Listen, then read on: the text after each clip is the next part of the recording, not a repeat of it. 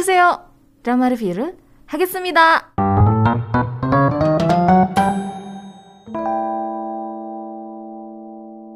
Ya, setelah tiga tahun dari Dokter Romantik yang kedua, akhirnya SBS kembali dengan Dokter Romantik season yang ketiga. Lumayan lama ya jedanya, tapi ya beda setahun doang sih. Jadi Dokter Romantik satu ke dua itu kan empat tahun jedanya.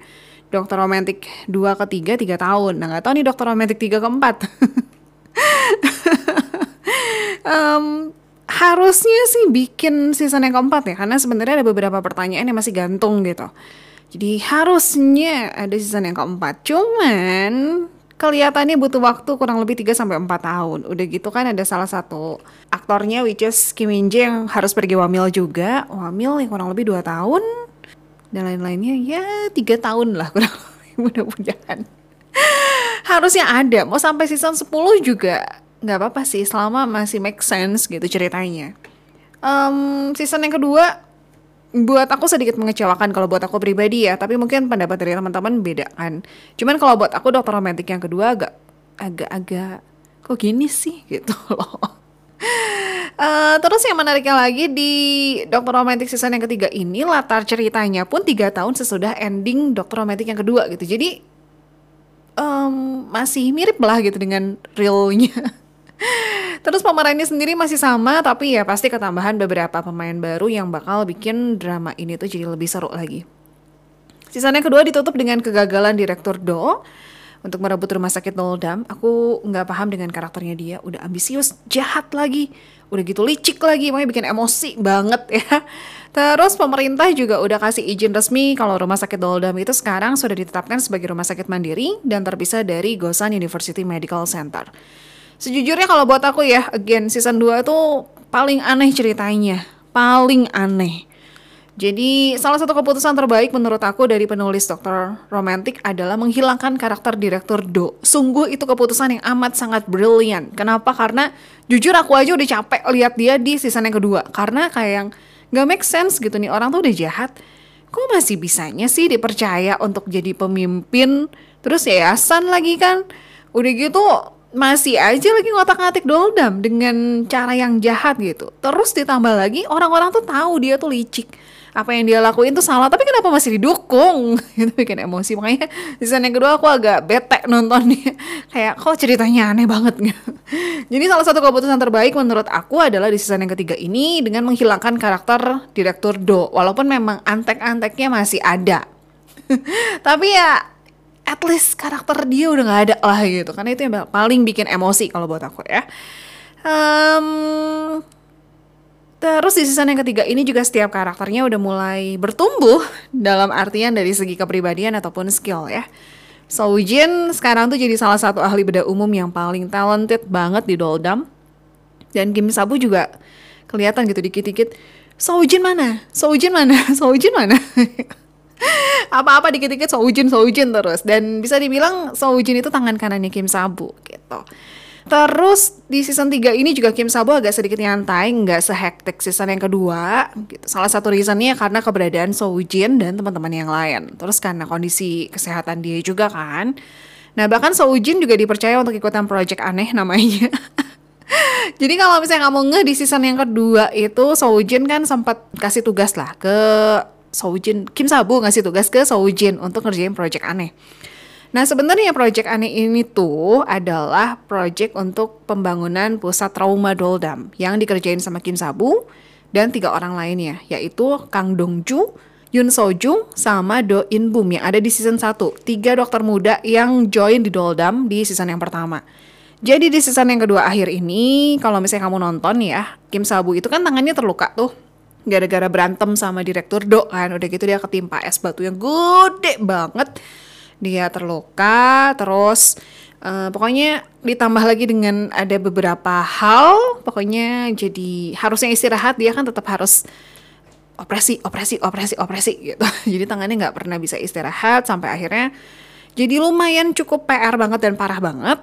Nah Kim Sabu tuh bilang di ending yang season yang kedua tuh bilang sama Soujin, Soujin yang udah ngeh dengan kondisi tangannya Kim Sabu sama dokter dokter tulang yang fans banget sama Jessica sama Jessie eh Jessica atau siapa yang namanya Bemunjung dokter Bemunjung uh, yang udah tahu kondisi dari tangannya Kim Sabu. Nah, akhirnya Kim Sabu itu kasih PR ceritanya sama Soujin. Dengan syaratnya gini, dia mau dioperasi, dia mau berobat. Asalkan Soujin udah nyelesain PR-nya. Nah, terus dikasih tuh bermap-map tebel banget lagi mapnya. Sampai Soujin tuh shock ini semua harus dibaca. Terus bukan yang ngejawab, Kim Sabu malah ngeluarin map yang lain tuh banyak banget. Yang mana ternyata sebenarnya PR ini tuh nggak cuman tentang apa yang dialamin sama Kim Sabu, tapi juga merupakan proyek pusat trauma yang jadi cita-cita Kim Sabu dari season yang pertama. Dia tuh pengen banget ngebangun pusat trauma tepat di sebelah rumah sakit Doldam. Nah, di season yang ketiga ini pusat traumanya udah jadi, udah dalam bentuk bangunan gitu. Season 2 kan masih belum tuh, masih ngurus izin-izin segala macam. Season yang ketiga udah jadi dalam bentuk bangunan. Dibangun tepat di sebelah rumah sakit Doldam. Cuman kalau aku pribadi ngerasa agak sedikit aneh. Karena apa? Karena kan nuansa rumah sakit Doldam tuh jadul ya gitu. Karena kan di daerah pinggiran. Udah gitu kalau kamu notice dari season yang pertama sampai season yang ketiga itu kan ada plang nama tuh Nah, tulisan uh, Doldam, damnya tuh masih aja kedap-kedip dari season 1 sampai season 3. Kenapa nggak dibenerin coba? Pasti selalu aja kedap-kedip itu. Kayak nggak pernah dibenerin. Atau mungkin itu jadi ciri khas kali ya. Eh rumah sakit uh, di sini daerah sini yang paling dekat apa? Oh Doldam di mana? Itu loh kamu lurus aja terus nanti cari aja yang pelang namanya kedap-kedip. Mungkin gitu kali ya. Kalau ada orang nanya. Soalnya dari season 1 tuh nggak pernah dibenerin gitu.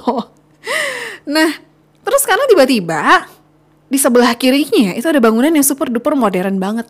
Kalau buat aku agak awkward sih di situ tuh. Kayak aneh terus aku sempat merhatiin nih bener uh, CGI-nya kelihatan banget gitu tapi ya udahlah. Nah, itu kan Soujin. Kok Soujin sih ya? Itu maksudnya rumah sakit Doldamnya. Tiba-tiba Soujin. Chanje ini juga udah jauh lebih bersinar daripada season yang kedua. Season yang kedua adalah masa-masa dia uh, pemulihan lah bisa dibilang ya, karena kan dia mengalami panik ketika masuk ruang operasi. Um, setelah konsultasi sama Kim Sabu, udah akhirnya sembuh dari kepanikannya. Dia sekarang tuh jadi spesialis bedah toraks dan kardiovaskular. Hubungan asmaranya sama Soujin juga berjalan baik-baik aja selama tiga tahun ini. Terus um, bisa dibilang salah satu keputusan terbaik dari Chanje adalah bersedia dipindah ke Doldam walaupun setengah hati awalnya kan dia kayak kenapa aku ada di sini kayak udah mau pulang lagi gitu. Tapi by the end dia tetap stay di Doldam daripada di Scores ya. Um, jadi kan waktu itu Chanje tuh dihukum gara-gara ketiduran di ruang operasi karena dia mengkonsumsi obat penenang. Soalnya setiap kali masuk ruang operasi terus bedah uh, pasien dia, dia tuh biasanya mual kalau udah parah banget dia bisa pingsan gitu. Nah karena itulah akhirnya dia mengkonsumsi obat penenang. Cuman by the end obat penenangnya malah bikin dia tidur sampai ngorok gitu. Makanya dia beda ke Doldam gara-gara itu. Di season kedua romansnya emang nggak terlalu banyak ya dibanding dengan season yang ketiga. Season ketiga tuh jauh lebih banyak romansnya. Mungkin karena season 2 masih PDKT kali ya. Season 3 udah fix pacaran gitu. Terus di season yang tiga ini juga aku senang banget lihat para karakternya, mereka saling jaga satu sama lain. Terus uh, memang sih kelihat karakternya Soojin itu jauh lebih dewasa.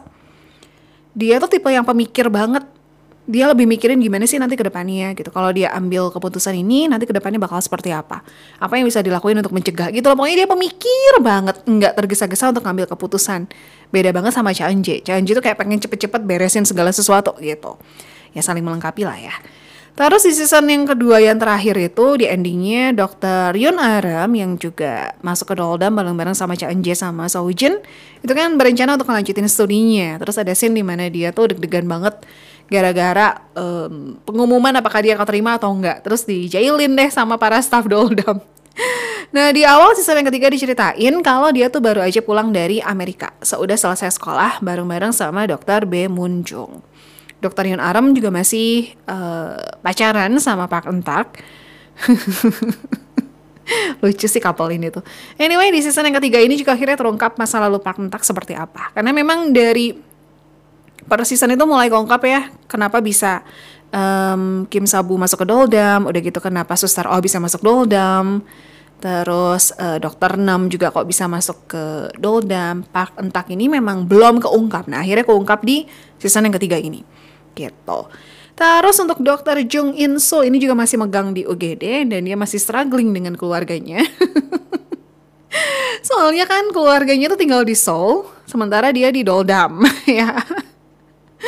Dia masih yang telepon, masih yang bingung lah dengan LDR ini gitu.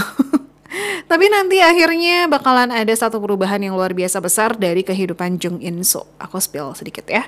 Nah, terus aku ngerasa di season yang ketiga ini juga porsi dia jauh lebih banyak daripada season 1 dan 2 dan bisa dibilang dia juga jadi salah satu kepercayaannya Kim Sabu gitu jadi kalau misalnya di UGD ada dokter Jung ya udah aman lah gitu setidaknya nggak perlu gimana banget gitu terus ya di season yang ketiga ini dokter-dokter Doldam udah jauh lebih kompak saling care juga, saling jaga semuanya, nggak cuma urusan kerjaan aja ya, tapi juga termasuk dengan urusan pribadi gitu. Mereka tuh beneran secare itu, sekompak itu, bikin jadi envy gitu. Pas nonton tuh kayak, wah menyenangkan ya kerja di Doldam ya. Dibalik dari tiba-tiba ada pasien datang gitu ya sih bikin was-was deg-degan dan panik gitu ya. Cuman ya seneng lah ngelihatnya gitu. Terus uh, direktur Park Min Guk ini juga udah berubah banget. Kalau season 2 kan dia tuh lebih dingin, lebih ambisius, lebih kayak misterius. Udah gitu apa ya kayak pokoknya target dia adalah mengalahkan Kim Sabu, membuktikan kalau dia tuh lebih baik daripada Kim Sabu gitu. Karena akhirnya mereka jadi sohib kan di season yang kedua tuh kan. Nah kalau di season yang ketiga ini Park Min Guk sama Kim Sabu tuh kompak banget, bestie banget lah. Dan aku sampai selalu ngakak lihat mereka berdua gitu. Apalagi kalau misalnya ngelihat mereka tuh lagi ngerencanain tentang pusat trauma. Asli itu sengakak itu. Banyak plot twistnya sih. Pak Minggu kan gantiin direktur Rio. Dan sebenarnya nggak semua orang-orang Doldam itu bisa nerima dia sebagai direktur. Karena biar gimana juga kan mereka tuh udah jauh lebih lama kerja bareng sama direktur Rio. Dan kayak yang dibilang sama direktur Yo di season yang kedua gitu. Untuk jadi direktur Doldam itu nggak gampang dan nggak sama kayak rumah sakit rumah sakit yang lain. Karena juga banyak orang yang pengen ngejatuhin Doldam sama Kim Sabu. Jadi selain mengatur rumah sakit direktur juga harus bisa ngelindungin rumah sakitnya dan staffnya gitu. Jadi tugasnya tuh banyak sebenarnya Um, walaupun dia kerja sebagai direktur, tapi di beberapa kesempatan kalau memang dibutuhkan ketika pasien lagi membludak banget, Pak Minguk juga tetap ngelakuin beberapa operasi lah gitu. Terus ada beberapa scene dia juga yang bikin aku tersentuh dan ketawa. aku spill ya. ada salah satu scene pokoknya dia kejebak macet. Jadi dia abis dari kota lah sebut ya. Terus dia kejebak macet bareng sama dokter Yang Ho Jun yang masih aja nyebelin di season yang ketiga ini. Tapi ya at least sedikit lebih baik lah gitu dia tuh daripada season yang kedua. Dan porsinya juga lumayan berkurang sih gitu. Terus intinya makanya mereka berdua kejebak macet. Akses untuk ke Doldam tuh macet banget. Terus udah gitu turun salju juga. Jadi semua kendaraan stuck termasuk uh, kendaraan yang mengantar um, apa tuh namanya mengantar darah lah gitu. Jadi mungkin dari PMI mau nganterin darah nih ke rumah sakit Doldam untuk persediaan itu stuck di macet, nggak bisa ke mana-mana, nggak bisa gerak, nggak bisa maju. Mau gimana pun pokoknya mereka nggak bisa gerak aja. Nah akhirnya yang Hojun sama Pak Min gue kerja sama untuk bawa tiga tiga apa ya pokoknya tiga tas besar sekali dan berat sekali mereka kerja sama jadi masing-masing bawa satu udah gitu ada satu tas lagi yang mereka bawa berdua. Terus mereka lari kenceng. Ya lucu banget mereka lari lari udah lari gitu ya. Udah gitu kan di tengah salju dingin kan. Terus si yang Hojun tuh bilang e, direktur Park saya sudah tidak kuat lagi boleh nggak kita berhenti sebentar? gitu. Sementara di rumah sakit Nodam itu udah udah kacau banget keadaan dan mereka butuh darah gitu. Terus Pak Minggu bilang nggak peduli apa pun pokoknya kamu harus jalan terus. Mau kamu capek mau apa pokoknya harus jalan terus. Terus mereka lari gitu lari sampai akhirnya berhasil nyampe ke Doldam udah gitu mereka langsung tergeletak berdua. Itu sungguh sebenarnya menyentuh tapi di sisi lain tuh aku jadi pengen ketawa karena mereka berdua tuh ekspresinya lucu banget gitu dapat gitu. Ya itu untuk karakter Park Min Gok terus um, ada tiga karakter baru di season yang ketiga ini yang bikin season yang ketiga tuh jadi jauh lebih seru dan lebih komedi daripada season yang kedua. Tapi beneran di season yang ketiga ini komedi banget sih. Um, karakter yang pertama yang baru adalah Profesor Cha Jin Man. Um, ini tuh teman kuliahnya Kim Sabu sekaligus papanya Cha Eun calon mertuanya Sowujin ya. Jadi kalau misalnya kamu inget di season yang kedua, silsilah keluarga Chanje itu sempat diceritain sedikit. Tapi memang yang muncul karakternya itu cuman mamanya doang. Jadi sisanya itu cuman diceritain doang. Uh, dibilang kalau Chanje ini lahir dari keluarga dengan total empat orang ya. Papahnya seorang dokter, kakak laki-lakinya opanya itu seorang dokter, sama mamanya ibu rumah tangga. Memang yang muncul di season yang kedua cuman mamanya doang. Nah kali ini di season yang ketiga papahnya muncul. Gitu. Hubungan mereka ya dingin sih kalau aku bilang nanti lah dibahas lebih lanjut ya. Terus karakter berikutnya adalah Jang Dong Hwa. Ini tuh dokter yang punya cita-cita work life balance. Aduh dia tuh pusat komedi sungguh. Dia tuh mau jadi dokter yang kerja di rumah sakit dengan total pasien secukupnya aja eh mana ada gitu kan terus proses operasi secukupnya aja pokoknya dia mau jam 5 sore dia udah pulang ke rumah tanpa lembur dia nggak mau lembur dia tuh suka banget main game makanya dia pengen uh, kerja di satu rumah sakit dengan pulang jam 5 sore udah gitu dia bisa main game sepuasnya gitu. Makanya pas kerja di Doldam dia tuh shock banget gitu. Soalnya dia harus lembur terus-terusan kan. Udah gitu pasien Doldam kan banyak banget kan. Apalagi kalau hari Jumat malam tuh wah banyak banget melimpah loh pokoknya. Makanya dia tuh shock kerja di Doldam dan kayak menuntut mana keadilan di dunia pekerjaan? Dokter kan nggak harusnya overwork. Nih sungguh dia pusat komedi lah kalau aku bilang karakternya dia si Jang Dong Hwa sama satu lagi karakter dokter yang baru namanya Lee Sun Wong ini dua ini tuh aduh pusat komedi di drama dokter romantik uh, jadi Lee Sun Wong ini adalah dokter bedah uh, toraks dan kardiovaskular sama kayak Chanje. Tapi di militer dia tuh. Yang memutuskan untuk pindah setelah ada sebuah kejadian besar yang terjadi di awal season yang ketiga. Aku nggak mau spill ceritanya apa, pokoknya nonton aja. Something happen sampai akhirnya dia ke rumah sakit Doldam dan dia langsung terpesona banget sama Doldam dan langsung jatuh cinta. Ketika ngeliat gimana cara kerja staff-staff Doldam dan proses surgery yang dilakukan di sana gitu. Makanya dia pengen banget jadi bagian rumah sakit Doldam. Aduh, terus yang bikin lucunya lagi dari dua karakter ini adalah mereka tuh kan baru ya, baru join di Doldam. Jadi kan masih penyesuaian gitu dengan cara kerja Doldam. Nah ini yang bikin lucu, sungguh. Jadi waktu mereka lagi latihan berdua tuh mereka tuh nggak mau nunjukin kalau mereka tuh nggak mampu, nggak bisa. Mereka pengen nunjukin kalau mereka tuh juga dokter yang uh, baik gitu, yang bagus, yang oke, okay, yang bisa lah untuk masuk Doldam. Nah, terus jadi kan mereka tuh latihan diem-diem, gak ngomong ke teman-teman doldam yang lain. Padahal sebenarnya kalau misalnya mereka bilang pun pasti dibantuin sih sebenarnya cuma karena ego ya. Jadi mereka tuh nggak ngomong gitu. Udah gitu mereka latihan berdua. Sungguh ini tuh bumbu komedi banget di season yang ketiga. Selucu itu. Terus kalau misalnya ngomongin soal komedi di season yang ketiga ini ya, selain dua karakter tadi, dua karakter dokter muda itu yang baru, sebenarnya karakter Kim Sabu sama Cha Jiman juga ambil bagian sih untuk porsi komedinya gitu. Jadi begitu Kim Sabu ketemu sama Cha Jiman, Kim Sabu tuh kayak orang lain gitu kayak dia bisa ngeluarin sisi yang selama ini nggak pernah dia tunjukin. Which is ini tuh sisi kekanak-kanakannya dia. Asli, aku sampai terkaget-kaget ngelihat Kim Sabu bisa kayak gini gitu, bisa se childish ini karena dia tuh kayak ngeledekin cajiman tapi benar-benar kayak anak kecil yang lagi ngeledekin temannya gitu loh jadi ya itu um, hal atau komedi komedi yang ada di season yang ketiga ini yang bikin Dokter Romantic 3 jadi lebih berwarna kalau aku bilang ya. Oke, tadi kan untuk karakter-karakternya ya. Nah, sekarang gimana sih ceritanya di season yang ketiga ini? Kan pusat traumanya udah selesai dibangun, berarti udah beres dong. Belum. Jadi walaupun pusat traumanya udah selesai, udah jadi, udah ada dengan segala peralatan yang komplit gitu, tapi masih kepentok sama aliran dana. Makanya kenapa masih belum bisa jalan juga gitu, karena ya masih ada banyak hal yang harus mereka urusin gitu. Mungkin urusan perizinan juga gitu. Makanya Kim Sabu sama Direktur Park ini lagi nyusun strategi ceritanya. Gimana caranya supaya aliran dana dari pemerintah tuh keluar karena pusat trauma doldam itu nggak bisa jalan tanpa aliran dana tersebut lah.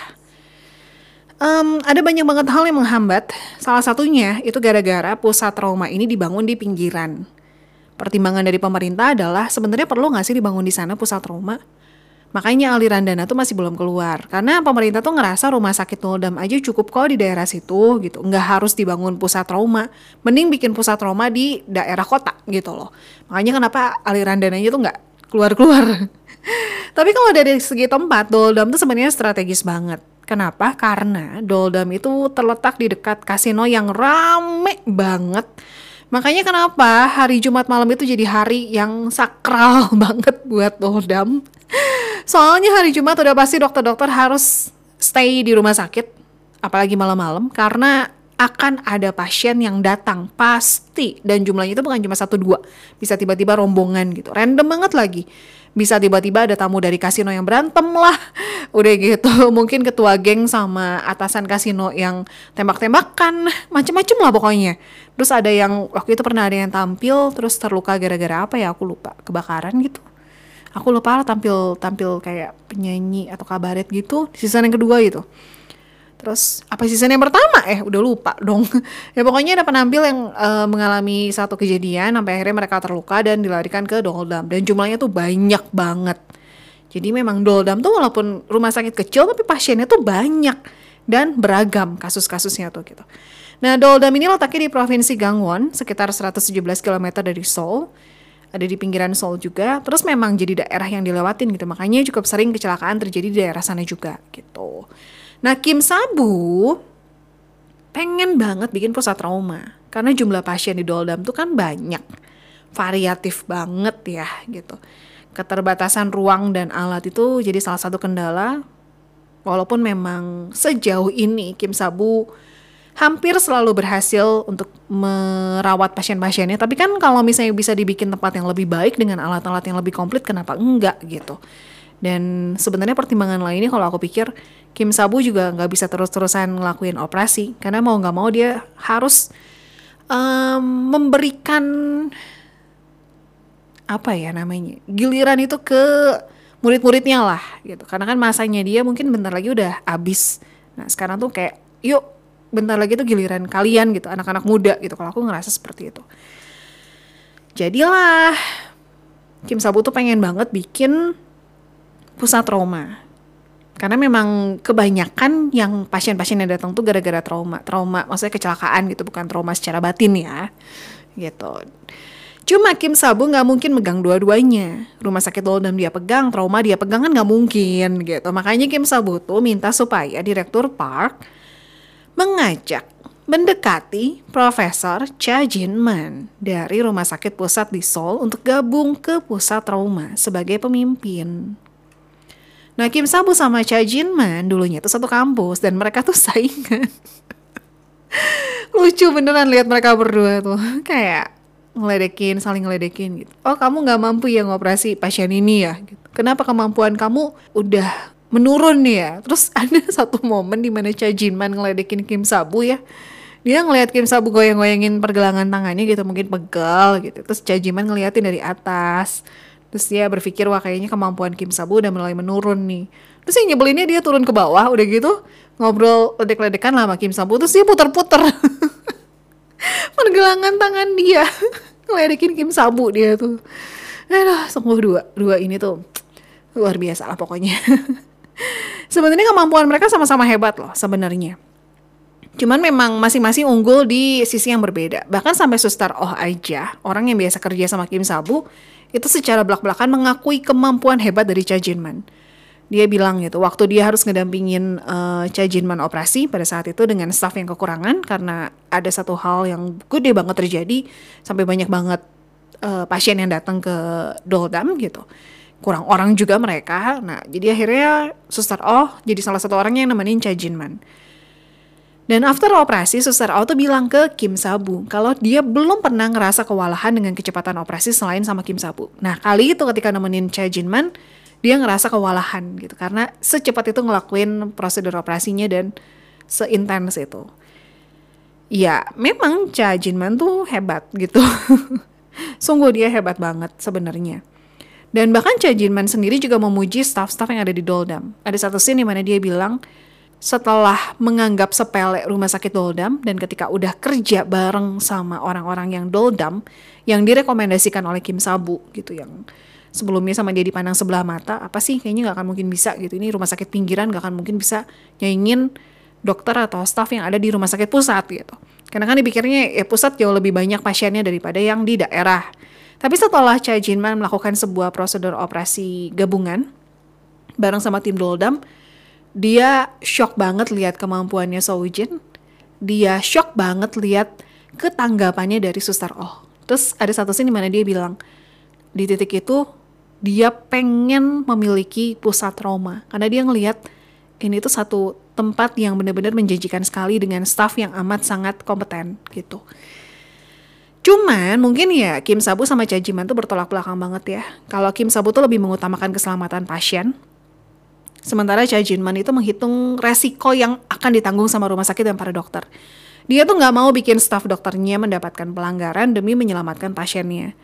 Dan sebenarnya dokter-dokter di Doldam tuh udah banyak banget peringatannya. Soujin berapa belas atau sembilan gitu aku lupa. Disebutin nama si Cha Man.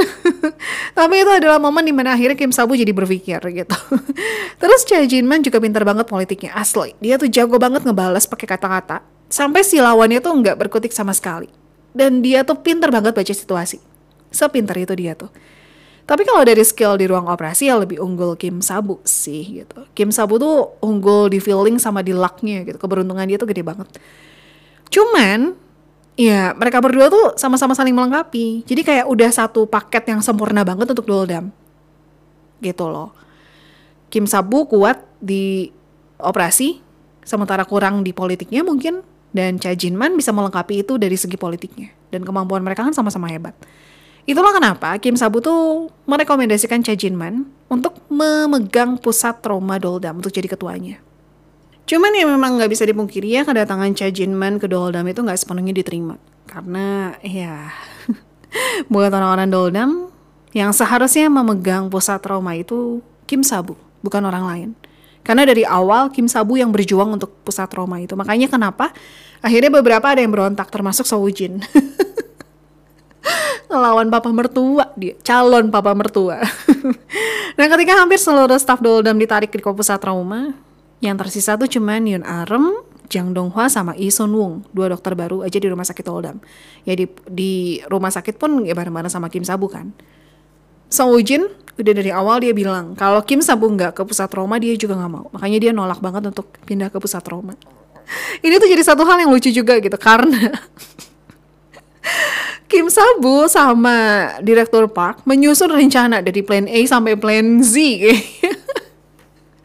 plan A gagal, plan B keluarin, plan B gagal, plan C keluarin gitu.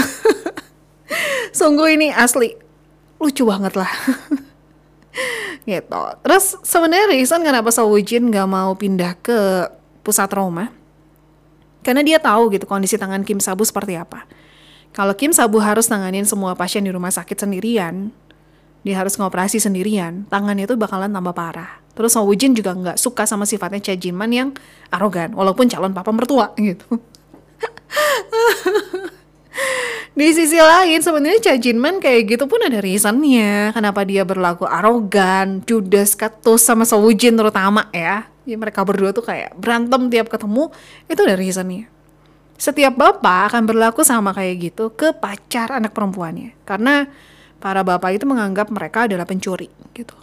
Nah, makanya Cha Jinman agak kasar sama Song Woo-jin. Karena dia sebel sama Song Woo-jin ngambil-ngambil putri gua loh, gitu loh. Nah, ditambah lagi reason lainnya adalah Song Woo-jin itu jadi penyebab kakak laki-lakinya Chanje di skor selama satu tahun. Ini tuh kongkap di season yang kedua ya. Lengkapnya seperti apa nonton aja. Pokoknya intinya uh, opanya Chanje di skor selama satu tahun. Makanya keluarga Chanje tuh nggak suka sama Song Woo-jin ini lucu sih gitu.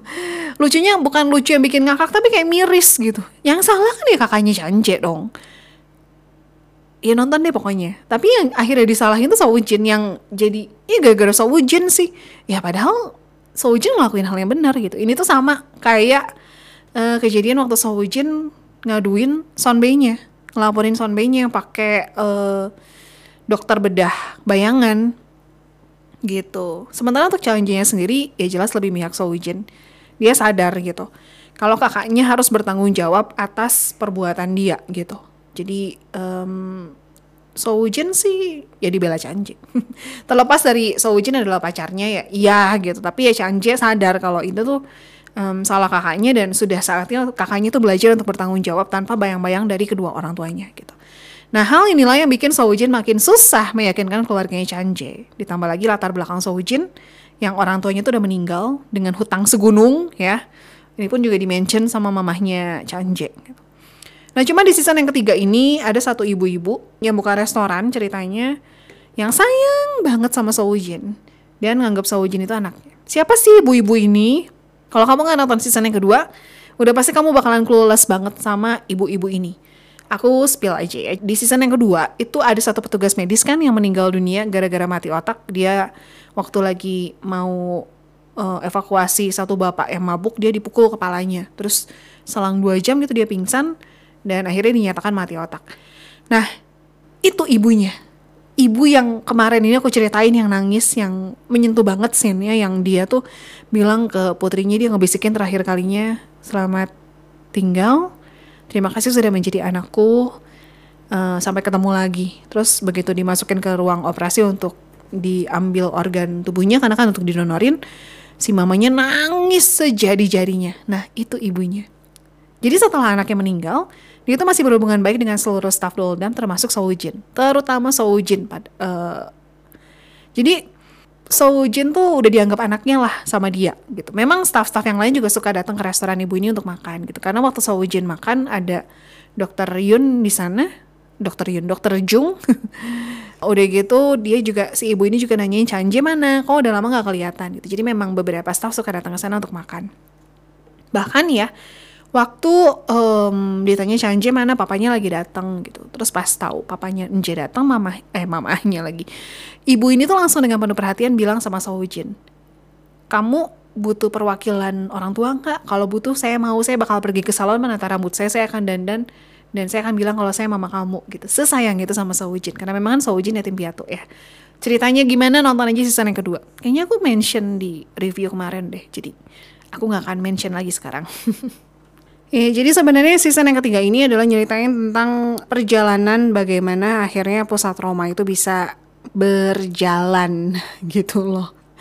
Dari season 1 sampai season 3, season 1 mungkin ngurusin perizinan segala macam sampai akhirnya bisa kebangun gitu. Udah kebangun pun masih harus izin-izin segala macam dan harus dapat aliran dana dari pemerintah juga gitu. Terus di season yang kedua karakter Do In Bom yang dari season yang pertama tuh sempat balik bentar ke Doldam untuk bantuin Doldam ada satu case lah pokoknya dia datang khusus untuk bantuin. Terus memang dia juga kan terlibat dengan project aneh itu kan. Nah di season yang ketiga ini ada yang balik lagi ke Doldam yaitu Kang Dong Jun sesudah selesai tugas militer dan dia udah studi di Los Angeles dan belajar tentang trauma juga pusat trauma juga dia banyak banyak uh, banyak nanganin kasus trauma akhirnya dia balik ke Doldam udah beres. Nah Cha Jin Man ternyata aku spill ya cuman jadi plan B-nya Kim Sabu rencana besar Kim Sabu atas pusat Roma itu jauh lebih plot twist lagi gitu. Jadi beberapa scene tuh aku sampai oh ternyata gini. Kayak bener-bener dibikin plot twist sama Kim Sabu terkait dengan pusat Roma itu. Nah, Kang Dong Jun ini salah satu bagian dari rencananya Kim Sabu. Kang Dong Jun ini adalah salah satu dokter legendaris di Doldam. Dia punya kemampuan yang gak beda jauh dari Kim Sabu. Dia juga belajar cara operasi Kim Sabu secara otodidak. Cara dia ngejahit juga pun mirip sama Kim Sabu dan dia pelajari secara otodidak. Jadi dia pada saat itu belajarnya tuh jadi asistennya Kim Sabu nih pas lagi operasi dia perhatiin terus dia latihan sendiri gitu. Sehebat itu. Dan memang sudah diakui sama mantan pacarnya Kim Sabu Kang Dong Jun tuh hebat banget gitu. Nah kehadiran Kang Dong Jun di Doldam tentunya sangat amat meringankan tugas Kim Sabu pastinya. Tapi juga dia sering adu, penjab, uh, adu pendapat adu pedam adu pendapat sama Sojin dan Chanje. Ya susah sih ya gitu. Yang satu kan lebih dulu di Doldam udah gitu pergi sekolah dulu. Nih, yang lain mungkin lebih baru di Doldam. Tapi kan pada saat Kang Dong Jun balik, Sojin sama Chanje yang di Doldam gitu. Jadi mungkin ada feel, ih lo orang baru tahu apa sih gitu. Walaupun memang pernah ada di Doldam, tapi kan kondisinya sekarang beda. Lebih tahu kita dong daripada kamu gitu loh. Padahal Kang Dong Jun itu salah satu orang yang ngurus project aneh bareng-bareng sama Kim Sabu dari awal. Gitu. Jadi ini juga yang bikin intrik-intrik di season yang ketiga. Terus dua dokter baru juga punya misterinya tersendiri ya. Jang Dong Hwa itu nggak pernah menyebutkan alasan kenapa dia masuk doldam. Selalu tiap kali ditanya dia ngehindar. Kenapa sih kamu pilih doldam? Dia selalu ngehindar. Gitu. Dia selalu bilang dia pengen work life balance, tapi kan nggak mungkin didapat di doldam. Jadi aneh gitu kenapa dia ngambil residen di doldam. Ada hal yang bikin Jang Donghua penasaran banget. Ya apalagi kalau bukan Kim Sabu. Jang Donghua itu punya kaitan dengan masa lalu Kim Sabu waktu Kim Sabu masih kerja di rumah sakit pusat di Seoul. Cuma memang baru kongkap di episode-episode akhir ya. Terus dia tuh sebenarnya dokter yang pintar. Cuman agak ngeyel. Nggak agak ngeyel banget malah. Mentor Jang Donghua itu Saujin kan. Awalnya Saujin tuh lunak lah sama Jang Donghua. Ya udah, dia pulang ya udah gitu.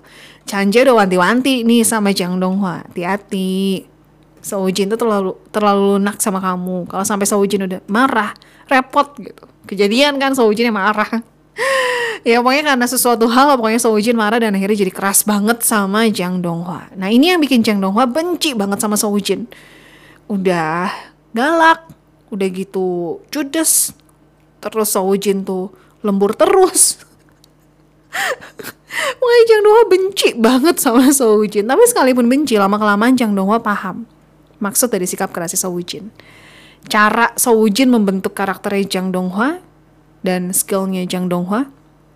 Dan by the end, um, Jang Donghua jadi care banget sama Sowujin. Sowujin itu salah satu orang yang diperhatiin banget sama Jang Donghua. Walaupun sebel karena uh, galak gitu.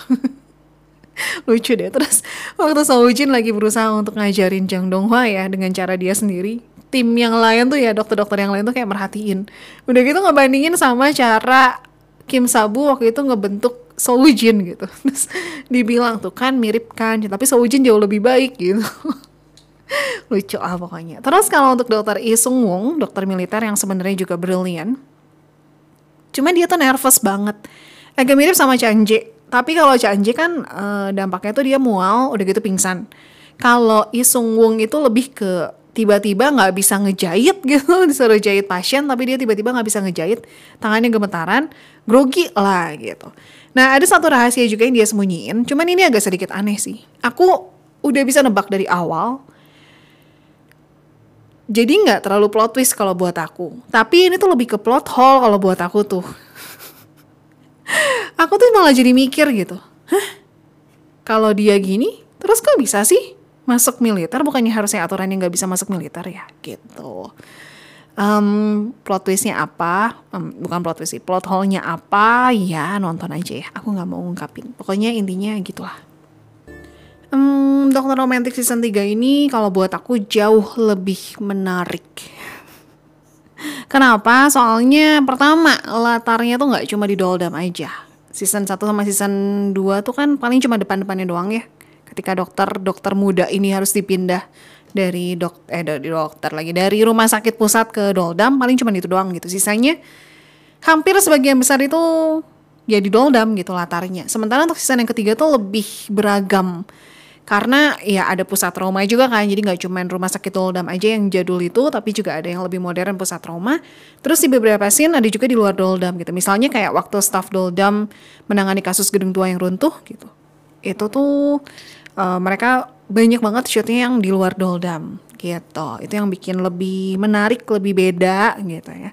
Terus yang kedua, yang bikin drama ini seru kalau menurut aku adalah kasus-kasus medisnya makin beragam banget. Terus senangnya tuh aku sebagai penonton jadi dapat banyak edukasi gitu tentang medis.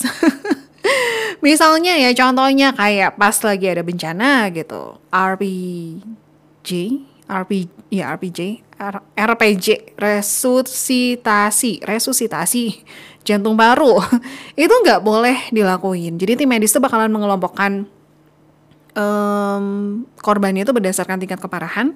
Jadi korban akan dikasih tanda gitu warna merah warna kuning warna hitam atau warna hijau Nah nanti itu bakal ada kartu identitas yang ditempelin sama warna, terus dikasih keterangan sama dokter yang periksanya gitu. Jadi warna kuning itu untuk pasien yang darurat, uh, di atasnya ada warna merah untuk yang gawat darurat, udah gitu ada warna hijau untuk yang luka ringan yang bisa dibilang nggak gawat darurat terus ada yang warna hitam yang udah meninggal gitu jadi kan biasanya kalau pasien yang udah henti jantung dikasih si resusitasi jantung baru kan yang ditekan-tekan itu loh si dadanya gitu Nah ini ketika bencana tuh nggak nggak boleh dilakuin. Jadi mereka harus beralih ke pasien yang lain gitu.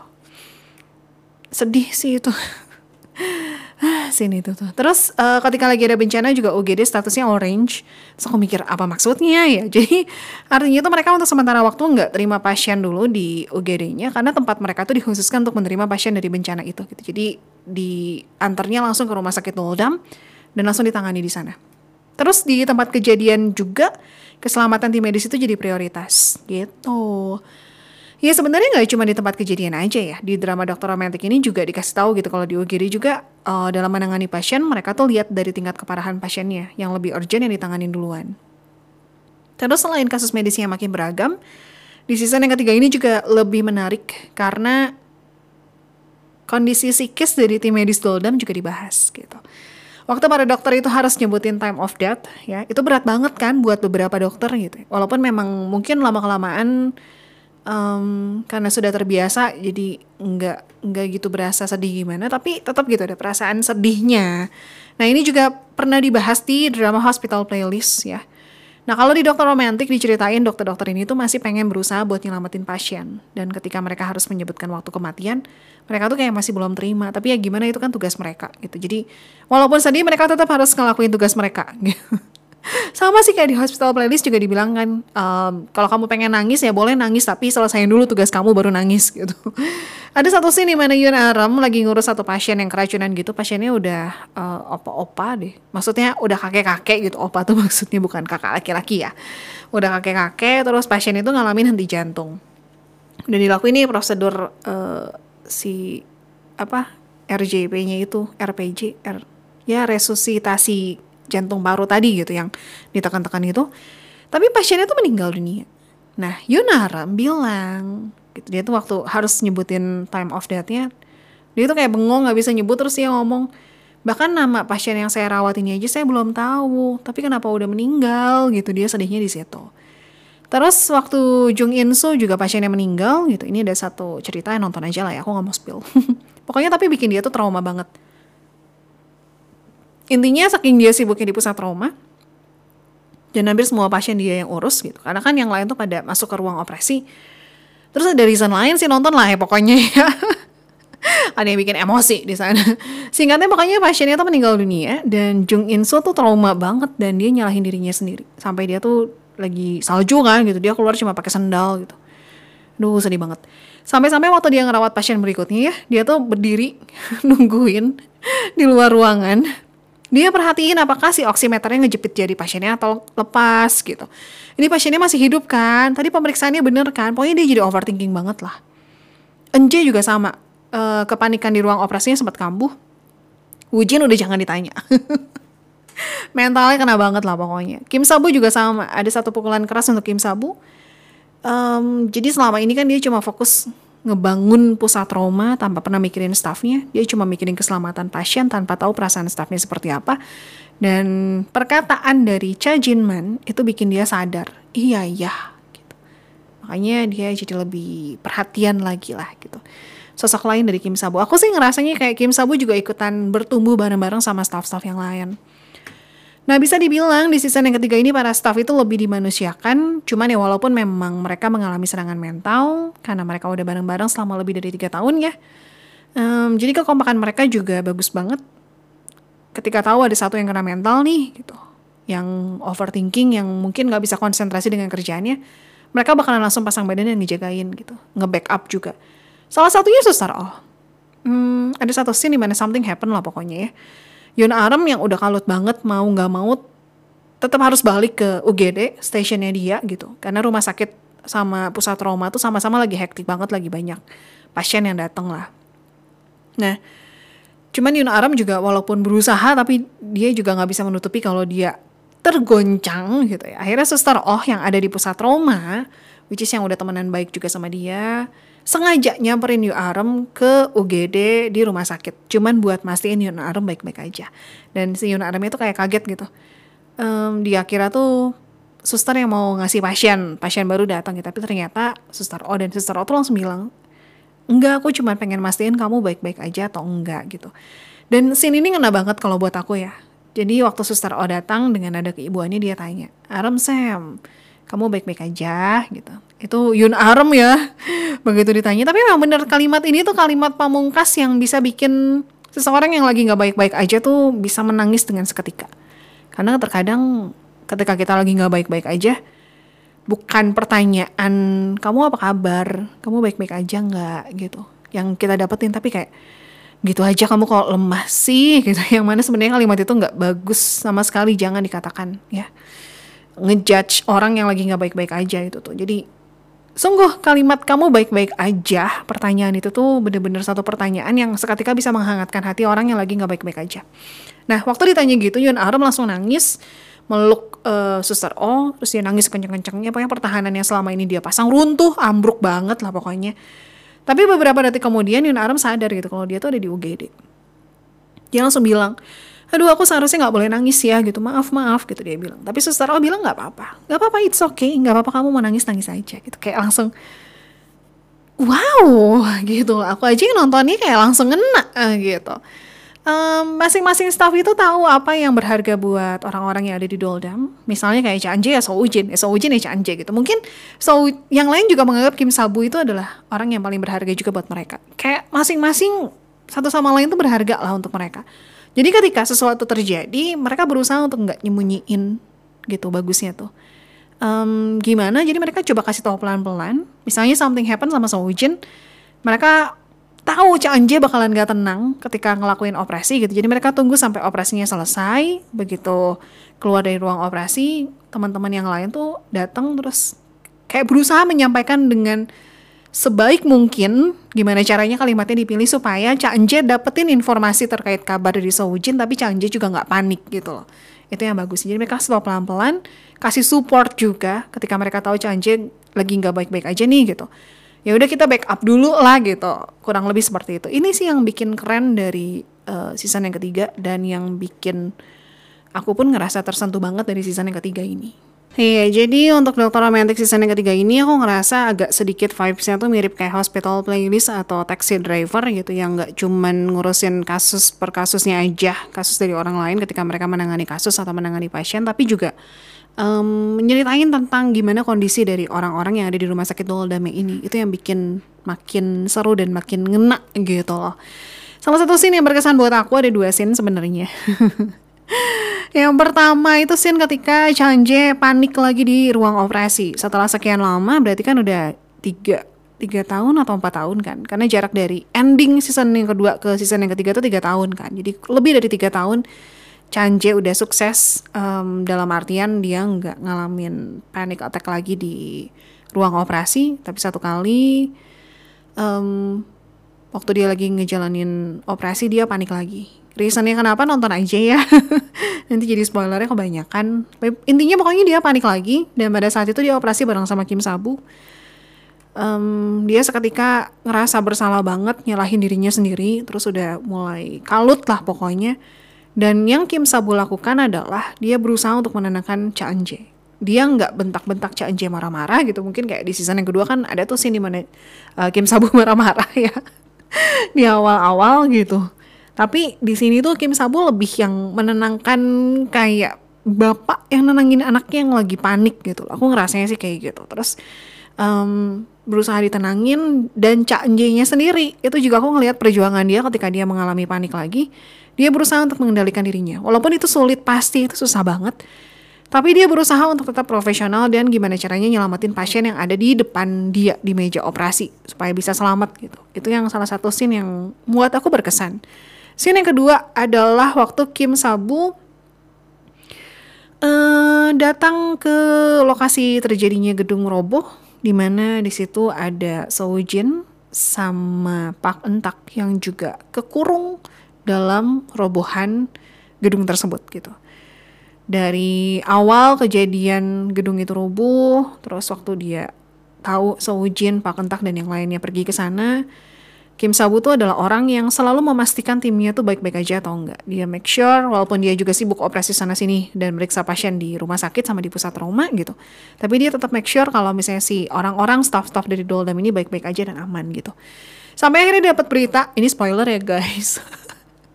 Intinya pokoknya Soujin sama Pak kekurung, Soujin terluka cukup parah, terutama di bagian tangannya dan di saat itu uh, pilihannya adalah mereka harus nyelamatin pasien kan, dan mau nggak mau, jadi tangan Soujin itu ketusuk dua besi gede dan si besi itu juga nusuk ke pasien yang dilindungi sama Soujin. Karena Soujin beneran pengen banget ngelindungin pasien ini gitu. Karena pasien ini seorang guru dan ada artinya kenapa Sojin benar-benar mati-matian nyelamatin pasien ini. Nonton aja.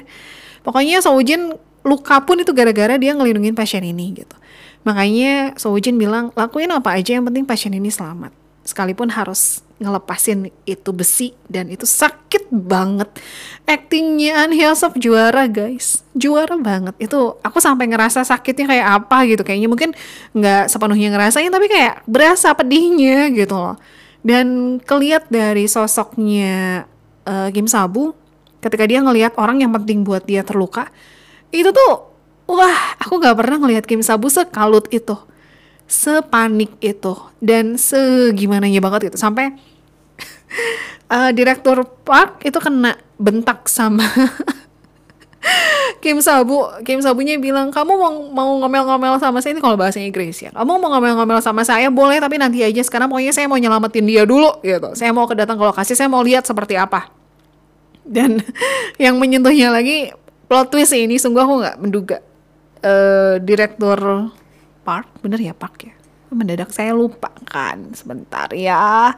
Iya Park Min Guk ya, direktur Park Min Guk itu cuma dengerin Kim Sabu dengan muka tenangnya dia terus udah Kim Sabu beres ngomong bentak-bentak marah-marah ya dia cuma bilang gini mobil saya nunggu di luar kamu bisa pakai untuk pergi ke lokasi gitu loh itu kayak langsung kelihat kan uh, apa yang dibangun selama kurang lebih tiga tahun ini tiga tahun lebih berarti kan itu kebukti gitu loh mereka sekompak itu dan scene di mana akhirnya bisa kecabut walaupun memang um, Kim Sabu bilang gitu, ini tuh bakalan sakit banget Wujin, gak apa-apa gitu, gak apa-apa dia bilang. So udah kecabut, Wujin teriak sekencang-kencangnya nangis, itu Kim Sabu juga nangis sambil megangin dadanya Wujin sambil ngelus-ngelus, itu beneran itu scene yang paling pedih kalau buat aku ya. Udah gitu ditambah ada soundtracknya kan, soundtracknya tuh dinyanyiin sama uh, Ijak Aku pikir ini Kim Sabu yang nyanyi karena suaranya mirip. Aku ngebayang kayak ini Kim Sabu deh yang nyanyi. Ternyata pasti cari nggak Ijak uh, nyanyi judulnya I Promise. Dan pas aku search liriknya, itu beneran kayak lagu yang dinyanyiin Kim Sabu buat anak-anak didiknya gitu, terutama untuk Jin. Karena di bagian chorusnya nih bunyinya tuh gini, maaf saya nggak bisa ngejagain kamu. Maaf karena saya ngebiarin kamu untuk uh, ngelaluin sesuatu yang menakutkan gitu loh. Saya nggak bisa membantu tapi cuma bisa nangis gitu. Ya itu jadi kayak kayak beneran ngegambarin scene itu. Kayak langsung kebayang adegan di mana Soujin terperangkap dan harus di dicabut si besi gede itunya gitu. Kayak langsung kebayang. Dan ya soundtracknya sungguh bagus banget terus selain itu para dokter-dokter Doldam juga ngerilis sebuah soundtrack yang mereka nyanyiin bareng-bareng ini tuh soundtrack yang berjudul Thank You for the Memories yang memang sengaja dibikin dan liriknya tuh kayak surat untuk Kim Sabu.